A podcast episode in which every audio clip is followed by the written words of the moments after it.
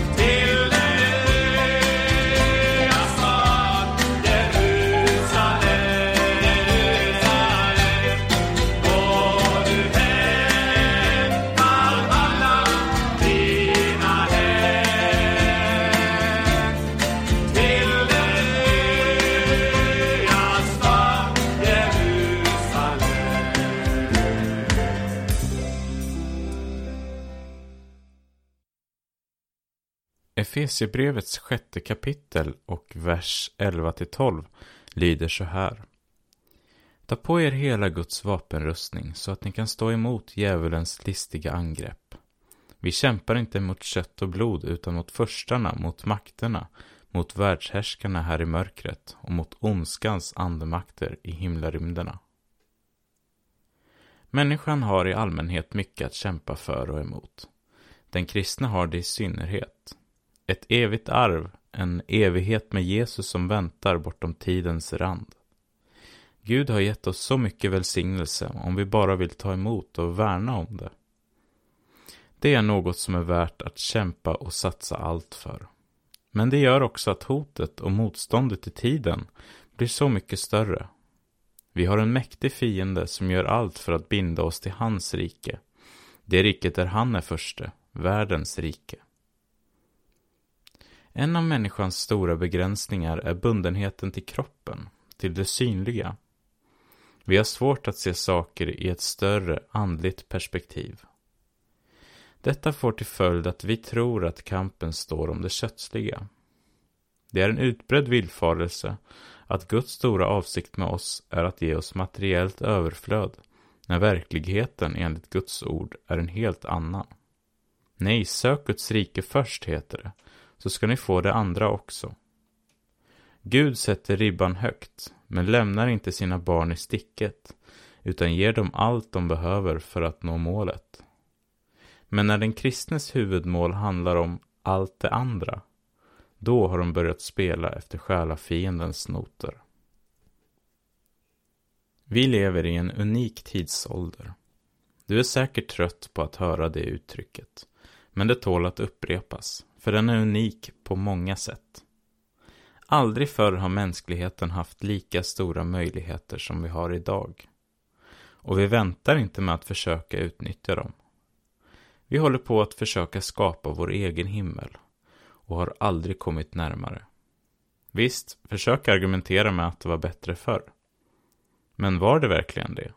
Innan läkarvetenskapen, kylskåpet, bilen eller demokratin? Jag tror väldigt få skulle vilja leva i något annat sekel än detta, när det kommer till kritan. Nej, sanningen är att det aldrig förr har varit bättre ställt rent materiellt, i alla fall i vår del av världen, än det är idag. Och det är just det som är så bedrägligt. Babelstornet har aldrig varit högre. Vi har nästan nått upp till himlen. Och det är snart dags för Gud att sätta stopp. Vi som kallar oss kristna måste vara extra vaksamma i en tidsålder som denna. Bibeln manar oss gång på gång att vara på vakt. Jesus säger åt oss i Matteus evangeliet 24 att se till att ingen bedrar oss. Det är det första han säger till lärjungarna när de frågar honom om tecknen på denna tidsålderns slut. Lite senare talar han om falska profeter och messiasgestalter som ska göra stora tecken och under för att om möjligt bedra även de utvalda. Ja, även de utvalda kan bli bedragna. Den kristne bör akta sig för att bedöma allt ifrån det kötsliga perspektivet. Gud, hjälp oss att se med dina ögon. Jesus varnar oss för att bli bedragna genom tecken och under. Och han säger i Matteus evangeliet kapitel 7 och vers 22-23 så här. Många ska säga till mig den dagen, Herre, Herre, Har vi inte profeterat med ditt namn och drivit ut onda andar med ditt namn och gjort många kraftgärningar med ditt namn? Men då ska jag säga dem sanningen. Jag har aldrig känt er. Gå bort från mig, ni förbrytare. Vi kan inte bara se på kraftgärningarna och undren eller de stora skarorna som följer efter. Vi måste lära oss att se helheten i Guds ords ljus. För det är verkligen inte allt som kommer i hans namn som är av honom. Ordet är ett utmärkt rättesnöre för att navigera här nere i mörkret. Ordet består ju, oavsett tidsålder, oavsett kulturförändringar. Det finns alltid där att gå tillbaka till. Människors visdom och läror står sig däremot inte länge. De skiftar, från den ena dagen till den andra, allt eftersom vindarna blåser. Och det har de i och för sig alltid gjort. Men vi har aldrig kunnat se det på en så global nivå som vi gör idag. Trender och strömningar sprider sig snabbare än någonsin genom sociala medier, såsom Facebook, YouTube och Instagram. Och annat vore väl konstigt. Facebook har cirka 2,4 miljarder användare och de andra har liknande mängder. Ursäkta mig om jag låter sensationalistisk, men vi har att göra med propagandamaskiner utan dess like i världshistorien. Och vi ska väl inte vara så blåögda att vi inte tror att det finns folk som vet att utnyttja dessa plattformar. Exempelvis anser experter att en rad högerextrema valsegrar är vunna med god hjälp av sociala medier, både genom lagliga och olagliga metoder. Ni minns väl till exempel Cambridge Analytica som genom att samla information om hundratusentals ovetande personer kunde hjälpa politiska partier och andra att rikta skräddarsydd propaganda till specifika grupper av människor för att på så sätt vinna val eller få igenom stora politiska beslut. Den skandalen har mer eller mindre ebbat ut. Men du kan vara helt säker på att det finns andra bolag och grupperingar med samma intentioner och mål. Är de strömningar och trender som visar sig idag bara ett neutralt uttryck för en utveckling som bara råkar gå åt ett visst håll? Eller ligger det någonting mer bakom? Är exempelvis högerpopulismens framgångar i världen verkligen bara en olyckshändelse som vi nu måste försöka rätta till? Eller är det ett led i uppenbarandet av Antikrists världsrike? Bibeln talar om en värld som är i den ondes våld. Det handlade om den världen apostlarna levde i. Och det handlar lika mycket om den världen som vi lever i nu. Ingenting har förändrats i det avseendet. Bekämpa vissa politiska idéer och strömningar får dock världen ta sig av. Vi som är kristna måste inrikta oss på det som verkligen betyder något. För det är inte kött och blod vi kämpar mot. Bakom allt detta finns det mäktiga andemakter och det är det som vi så lätt missar. Det antikristliga världssystemet håller på att formas mitt framför näsan på oss och det medan den etablerade kristenheten ropar allt är väl, begränsar sitt arbete till det synliga och inomvärldsliga och på så sätt förbereder Antikrists ankomst.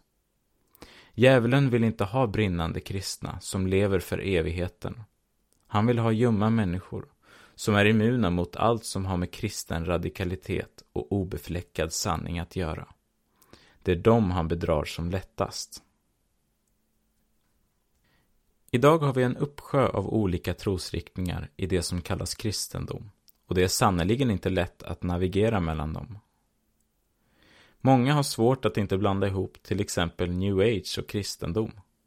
Hur svårt är det då inte att skilja mellan alla de inomkristliga trosriktningarna?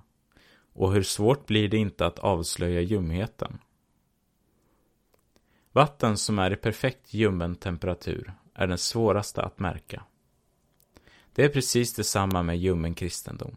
Den är så svårupptäckt och ändå så lätt att obemärkt hamna i. I ax så små steg går man längre och längre bort från den smala stigen, tills man till slut har tappat bort målet. Men temperaturen har blivit så behaglig att man inte märker det själv, om man ens bryr sig. På den breda vägen behöver man inte bekymra sig om man ska falla i den ena eller andra diket. Och där får många plats på bredden. Det ljumna tillståndet är värre än det kalla. För när man är kall känner man i alla fall att man är i behov av värmen, av energin. Kanske är det andliga livet i en torrhetsperiod. Kanske känner man behov av så mycket mer av Guds ledning och kraft i sitt liv. Att ha dessa bekymmer är ett sundhetstecken, därför att man då har förstått sitt behov av Gud. Man vill ju inte hamna i Laodiceas tänkesätt, där man lurade sig själva genom att tro sig vara rika, men egentligen var fattiga. I den etablerade frikyrkligheten talar man oftast inte om saker som får dig att rygga tillbaka och säga de predikar ju klar villolära. Men man talar heller inte om någonting som sticker till i hjärtat. Resultatet blir att man hamnar någonstans mitt emellan. Problemet handlar kanske inte så mycket om vad man faktiskt predikar, som det man inte predikar. Det här är en mycket viktig poäng. Gud har någonting särskilt att säga till varje nation, generation och individ. Varje människa behöver höra något speciellt i just den situationen han eller hon är i, för att hon ska kunna bli frälst. Om Jesus till exempel hade sagt samma sak till de rika och fariseerna som han gjorde till de fattiga och av samhället utstötta, så hade inte orden haft någon kraft, även om budskapet egentligen var detsamma. Fariseerna var inte i behov av samma mjuka, läkande och tröstande ord som den blinde mannen i Jeriko var. Den sistnämnde var redan på botten. Han var redo att lyftas upp ur gruset, medan fariseerna behövde så att säga kraschlanda på marken först. Den kristna församlingen behöver samma mångfald av profetiskt ljus som Jesus hade. Vilket budskap är det vi predikar inför nationen Sverige idag? Inför Sveriges kristenhet? Inför dagens generation? Är inte Petrus första ord efter pingställens ankomst nödvändiga att predika idag? Låt er frälsas från det här bortvända släktet. Apostlagärningarna 2 och vers 40. Ska vi anamma världens filosofier, kulturer och tänkesätt som är så vanligt att göra i kristenheten? Eller ska vi predika som Johannes i första Johannesbrevets andra kapitel och vers 15? Älska inte världen, inte heller det som är i världen. Ska vi vara tysta om Jesus snara tillkommelse och behövs kanske inte bättring i dagens Sverige? Visst finns det människor som behöver lyftas upp från sin misär även här.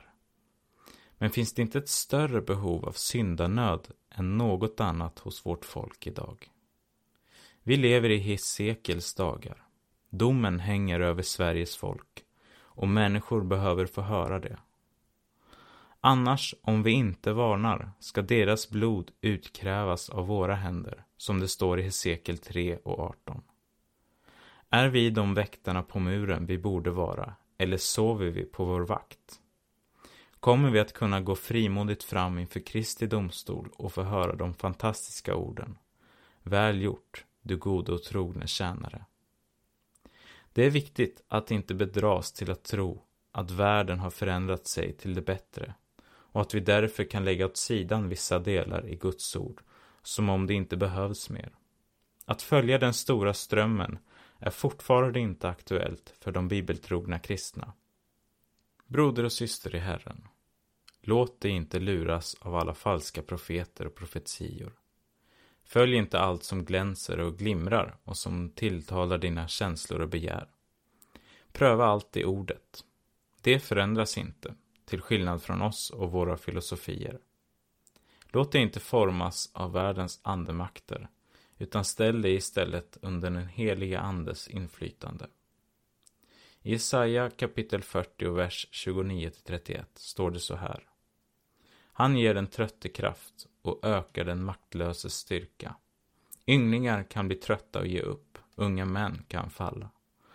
Men de som hoppas på Herren får ny kraft. Det lyfter med vingar som örnar. I English Standard Version står det But those who wait for the Lord. Ibland kanske vi bara måste vänta på Herren. Det kan vara nog så svårt att ha tålamod till det. Men Elias Gud är en Gud som svarar med eld. Det är lätt att hamna i någon sorts pessimism och missmod inför den tid vi lever i.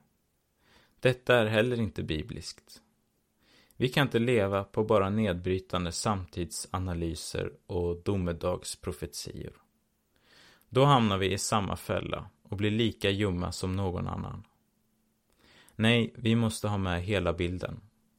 En kristendom som bara innehåller fördömelse har ingen någon nytta av. Jesus kom med både förkrossande sanning och ömmande kärlek, både hårt tal och läkande trösterika ord. Vi får inte glömma bort kärleken till våra medmänniskor, både de frälsta som ofrälsta. Låt oss älska människor med Guds mångfaldiga kärlek genom att ge dem den råa och oförklädda sanningen om synden och domen, men även nåden och kärleken i Jesus Kristus. Till sist vill jag citera de första verserna i Andra Timoteusbrevets fjärde kapitel. Jag uppmanar dig allvarligt inför Gud och Kristus Jesus som ska döma levande och döda, inför hans uppenbarelse och hans rike. Predika ordet, träd fram i tid och otid, tillrättavisa, varna och förmana med allt tålamod och all undervisning. Det ska komma en tid då människor inte längre står ut med den sunda läran, utan samlar åt sig mängder av lärare efter sina egna begär, så som det kliar i deras öron att få höra. De vägrar att lyssna till sanningen och vänder sig till myter. Men var du sund och förnuftig på alla sätt. Bär ditt lidande, utför en evangelists gärning och fullgör din tjänst. Gud, tänd din eld i våra hjärtan så att vi kan gå fram i din andes kraft och ingenting annat. Hjälp oss att tyda den tid vi lever i så vi kan vara rustade för det uppdraget du har gett oss. Predika ditt ord och förkunna ditt rike tills du avblåser striden och hämtar oss hem. Amen.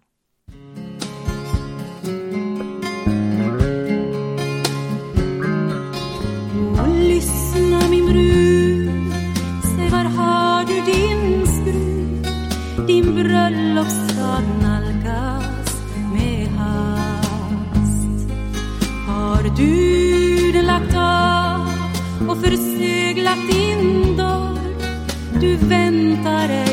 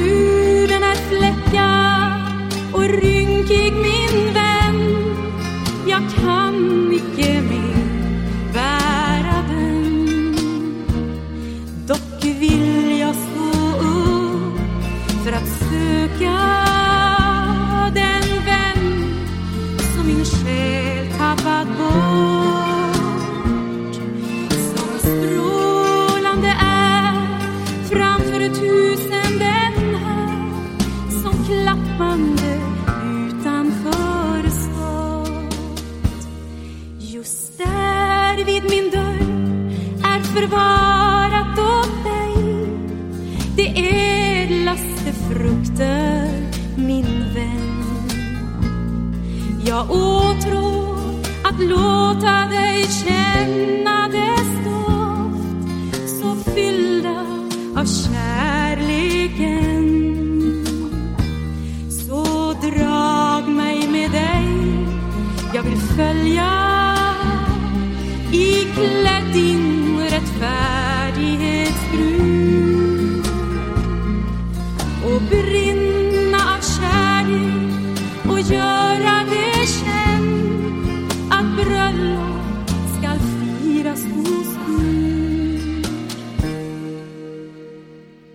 Du har lyssnat på ett program från Radio Maranata och vi sänder på Stockholms närradio varje dag klockan 8 på morgonen och även måndagar och onsdagar klockan 18.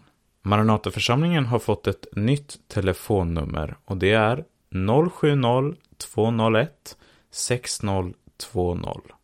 070-201 6020.